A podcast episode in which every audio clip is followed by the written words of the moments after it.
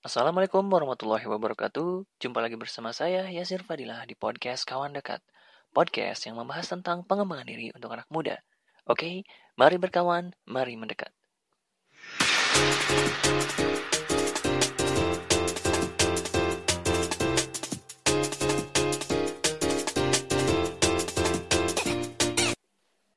Saya mau cerita sedikit kaitannya dengan pekerjaan.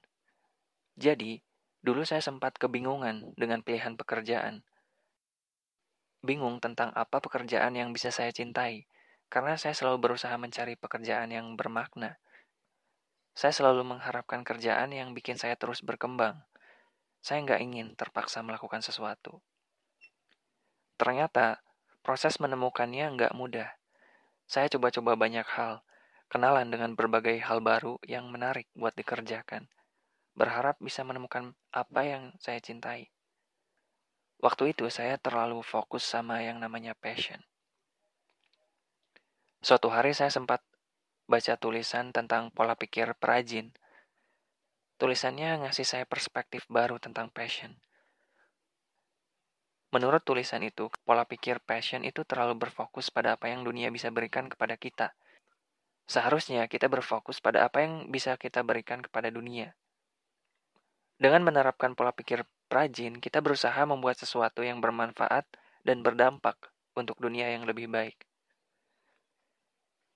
Saya coba perjelas lagi ya tentang pola pikir perajin atau craftsman mindset.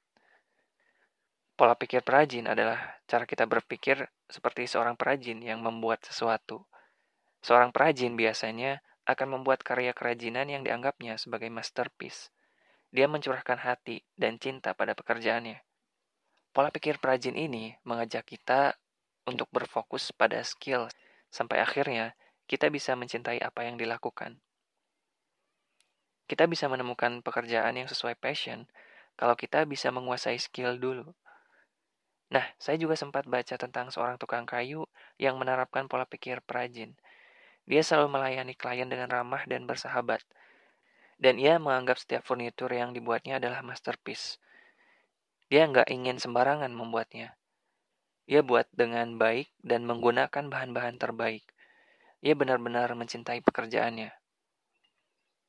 Tiga hal yang saya pelajari dari tukang kayu itu adalah dia mencintai, melayani, dan peduli dengan kliennya. Dengan menerapkan pola pikir perajin, kita diajak untuk bisa melatih skill sesuai bidang pekerjaan yang kita geluti dengan baik, sampai akhirnya menjadi ahli. Karena yang kita hasilkan nantinya adalah sesuatu yang terbaik atau masterpiece. Ketika kita mulai menguasai skill itu, kita mulai bisa mencintai apa yang dikerjakan, melayani orang dengan baik, dan peduli dengannya. Dalam konteks tukang kayu ini, dia mencintai pekerjaannya, melayani klien dengan baik seperti sahabatnya sendiri, dan dia peduli dengan kliennya. Ia berharap furnitur buatannya bisa berdampak positif ke kehidupan kliennya. Pola pikir perajin juga berlaku di pekerjaan lainnya. Ini bisa diterapkan di berbagai pekerjaan. Kalau misalkan kamu bekerja sebagai perawat, kamu bisa membuat masterpiece dalam hal pelayanan yang terbaik. Kalau kamu bekerja sebagai pegawai kantor, kamu bisa membuat masterpiece dari pekerjaan yang diselesaikan dengan baik. Kalau kamu bekerja sebagai tukang potong rambut, berarti masterpiece kamu adalah hasil cukuran yang bagus dan pelayanan yang baik. Apalagi kalau kamu bekerja sebagai desainer, seniman, arsitek, atau penulis yang kerjaannya menghasilkan sesuatu. Pola pikir perajin ini cocok banget buat diterapkan, karena kamu akan terus membuat karya yang berdampak. Intinya, menerapkan pola pikir perajin berarti melakukan pekerjaan dengan baik, bahkan memberi nilai lebih pada pekerjaannya. Ternyata, untuk menemukan pekerjaan yang kita cintai, kita harus mencoba berbagai hal dulu, melatih skill yang sesuai dengan pekerjaan kita, sampai akhirnya kita bisa menghasilkan masterpiece. Saat itulah kita menemukan pekerjaan yang kita cintai, pekerjaan yang gak pernah bikin kita bosan. Saya Sirfadila, sampai jumpa di episode selanjutnya.